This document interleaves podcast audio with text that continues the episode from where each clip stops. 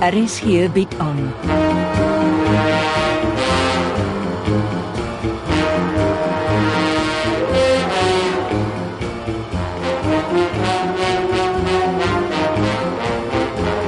Agendas deur Jo Kleinhans.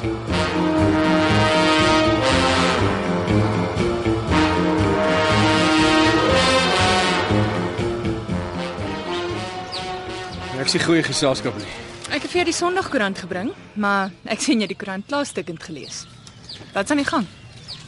Ek voel ver oggend presies soos ek daai aand gevoel het nadat Japan die Springbokke op Brighton in die Wêreldbeker gewen het. Niks maak sin nie.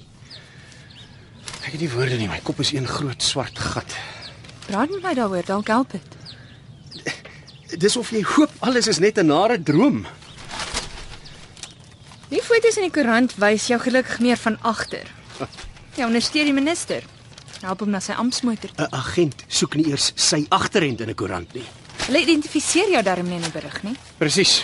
Al wat vir my in die koerant is, is my agterend en tog weet jy dadelik dis ek. Is nie. Ek raai op maar. Sandra, jy's nie gebore in staat om te jok nie. Die minister slaan sy naam omtrent met 'n plank. Skandelik om die minste te sê.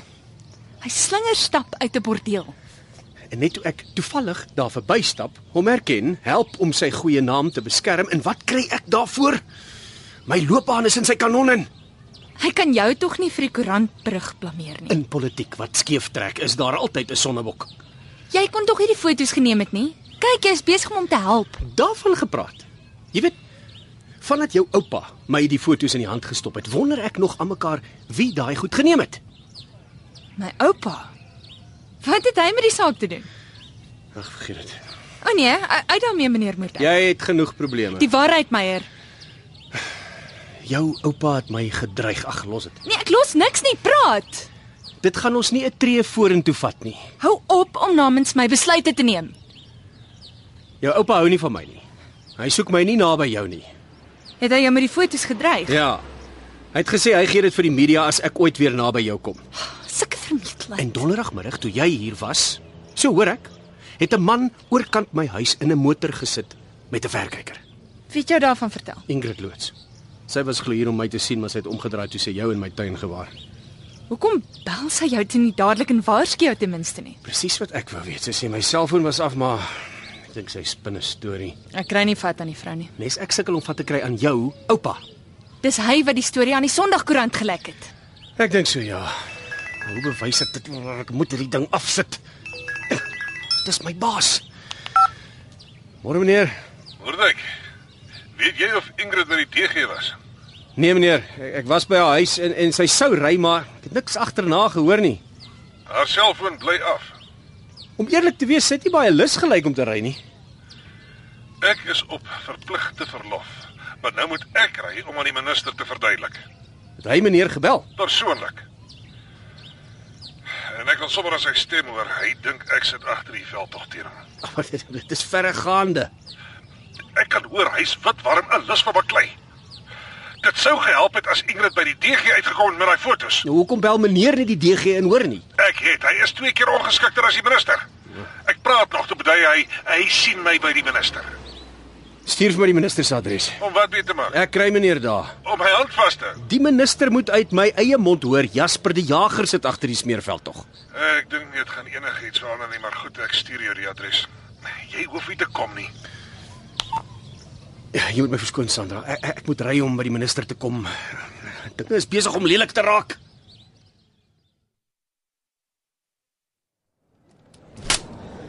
Nou, Vir wanneer af gooi jy vir my 'n koerant?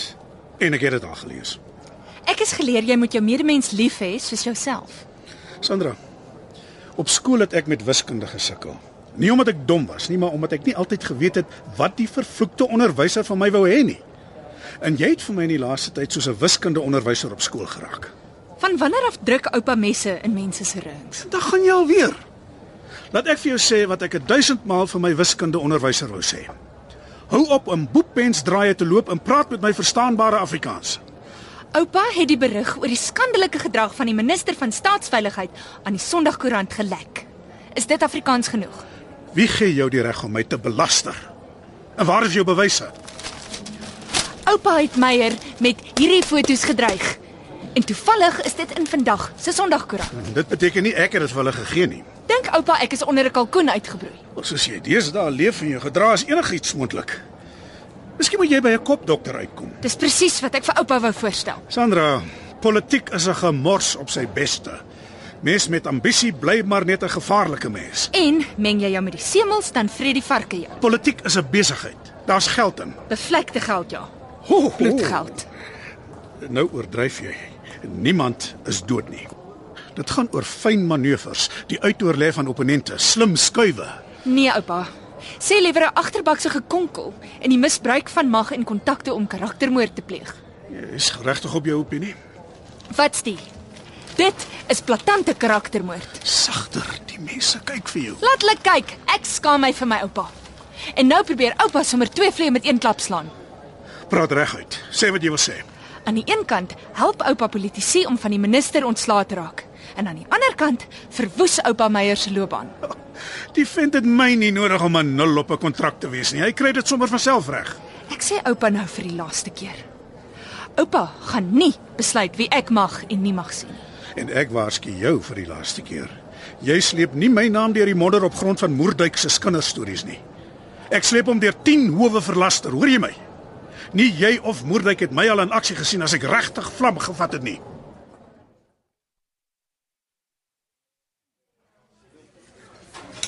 Minister glo ons nie. Hy soek my kop op 'n skinkbord. Hy dink dis ek. Hy het hoeveel hande wat hom kan help om hierdie storie uit te check.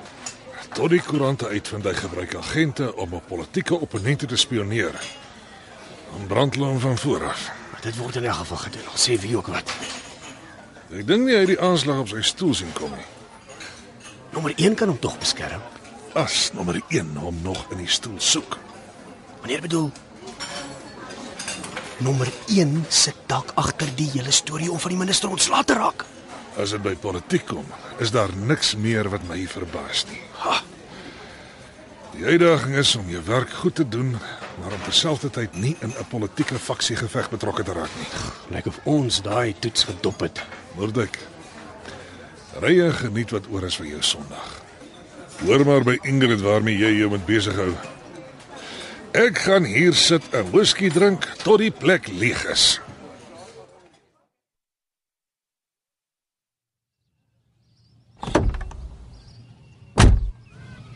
Tibi, Ons moet praat. waaroor? Die berig in die Sondagkoerant. Waarvan? Weet jy wie sit daar agter? Ek dink so. Ek dink nie jy weet alles nie.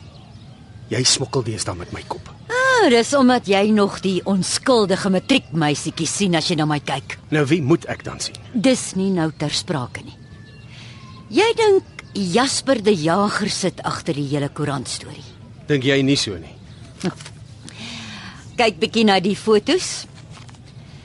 Kyk saam met wie het die Jager donderig aand geëet Ingrid, en kyk saam met wie eet hy Vrydag aand. Tumisani Belose. Die Gaberoni koneksie interessant.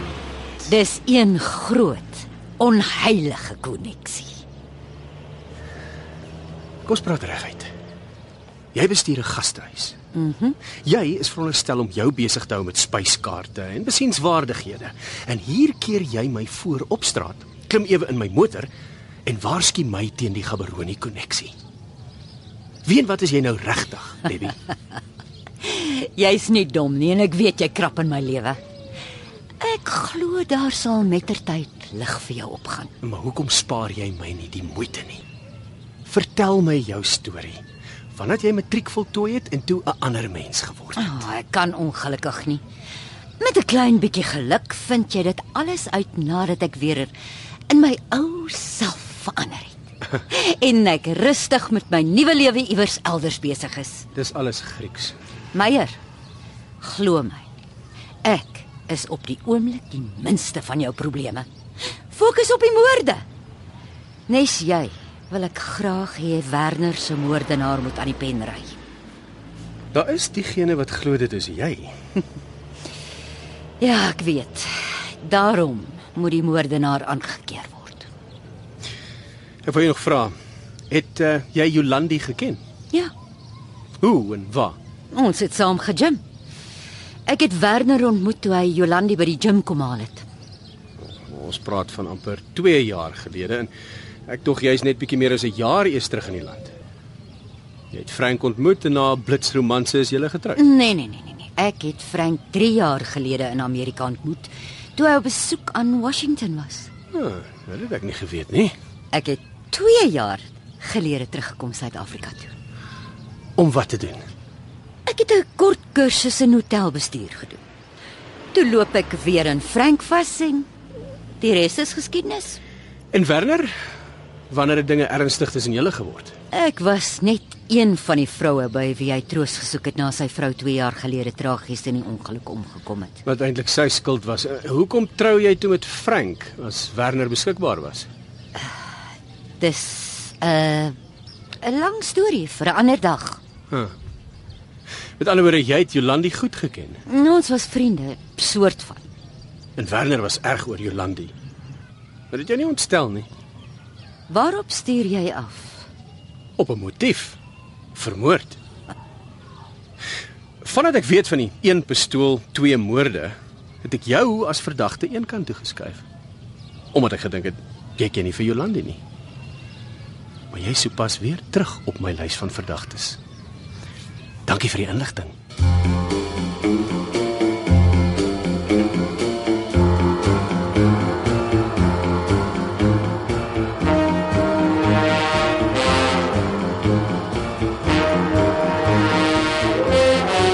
Agendas word geskryf deur Joe Kleinhans.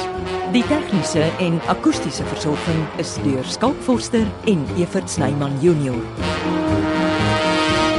Lede regisseur Betty Kemp.